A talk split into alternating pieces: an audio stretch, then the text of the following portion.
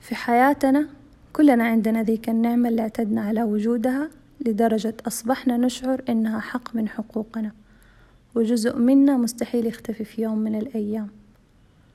اتعودنا عليها لحد ما صرنا ما بنتخيل زوالها أبدا وضمنا وجودها في حياتنا اللي هو مهما حيصير النعمة دي موجودة.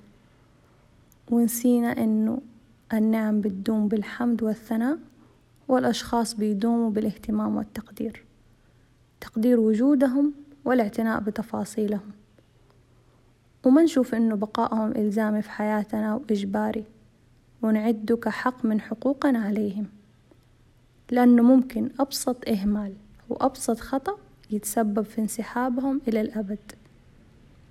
هدول الأشخاص كملوا معانا وفضلوا للأخير لأنهم حبونا وحبوا الخصال الجميلة الموجودة فينا.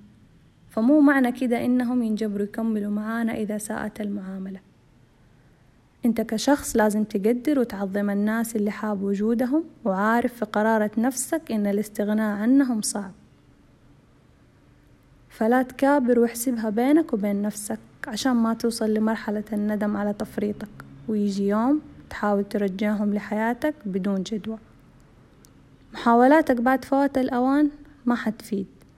لكن الآن أنت بتقدر تحافظ عليهم وتقدر تكون أكثر عطاء وحب وتقوم بدورك تجاههم على أكمل وجه لأن النعم زوالة سواء كانت هذه النعم مادية أو على هيئة أشخاص.